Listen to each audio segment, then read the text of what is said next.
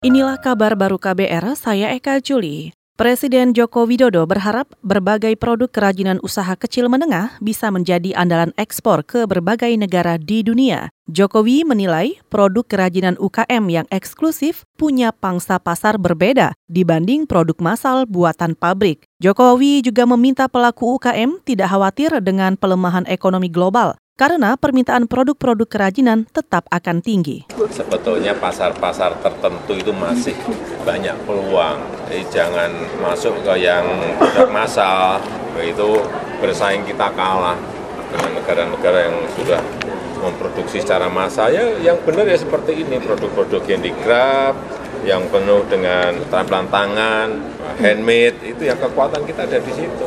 Kalau kita misalnya UKM kita masuknya ke produk-produk massal, ya kalah kita dengan Jokowi juga mengklaim kualitas produk-produk UKM juga semakin baik karena mendapat pembinaan dari berbagai lembaga dan perusahaan swasta. Kalau tren ekspornya terus meningkat, produk ekspor akan menjadi berkontribusi besar mengurangi defisit perdagangan.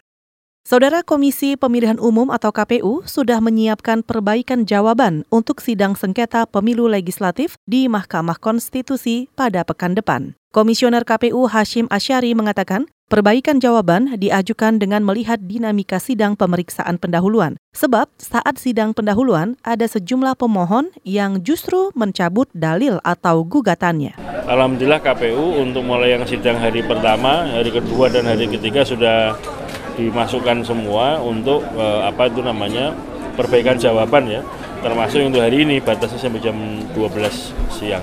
Komisioner KPU Hashim Asyari menambahkan, KPU juga sudah menyiapkan alat bukti secara bertahap. Menurut Hashim, KPU Pusat sedang mengorganisir alat bukti dari KPU Provinsi melalui tim hukumnya untuk disampaikan ke Mahkamah Konstitusi. Pengajuan perbaikan jawaban disampaikan ke MK paling lambat dua hari sebelum sidang digelar. Senin pekan depan agenda sidang di MK adalah mendengarkan jawaban dan pengesahan alat bukti dari termohon, pihak terkait, dan Bawaslu. Kita ke soal Undang-Undang ITE. Tim advokasi korban Undang-Undang ITE Baik Nuril optimistis Presiden Joko Widodo akan memberi pengampunan atau amnesti. Optimisme itu karena Menkumham Yasona Lauli sudah memberi rekomendasi amnesti kepada Baik Nuril. Salah satu advokat Baik Nuril, Dio Asar Wicaksana mengatakan, tidak ada lagi alasan Presiden Joko Widodo tidak memberi amnesti. Setelah putusan PK-nya keluar, dari tim advokatnya, pendampingnya Baik Nuril mengajukan apa amnesti kepada Presiden. Dan ketik dan terakhir yang informasi yang kami dengar, Menteri Hukum dan HAM juga sudah setuju untuk memberikan amnesti dan sudah mengirim surat kepada Presiden. Dari proses yang kita lalui dan sudah ada dukungan dari Kementerian Hukum dan HAM dan sudah ada masukan dari para ahli juga, sebenarnya sudah tidak ada alasan juga untuk tidak memberikan amnesti. Itu tadi Dio Asar Wicaksana, salah seorang advokat atau kuasa hukum Baik Nuril. Sebelumnya, tim advokasi Baik Nuril kemarin juga sudah mendatangi kantor staf kepresidenan untuk meminta dukungan amnesti. Meski begitu, tim advokasi masih berharap Baik Nuril bisa bertemu langsung dengan Presiden Joko Widodo.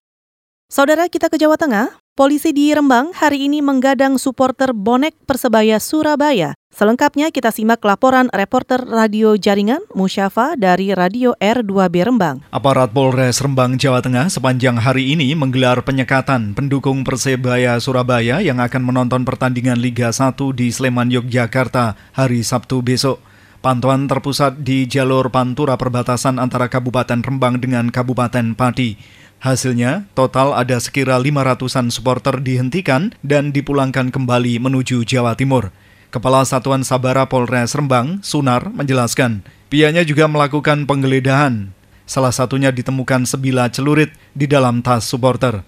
Melaksanakan patroli penyekatan bonek dari Surabaya yang akan berangkat ke Jogja di perbatasan Rembang Pati.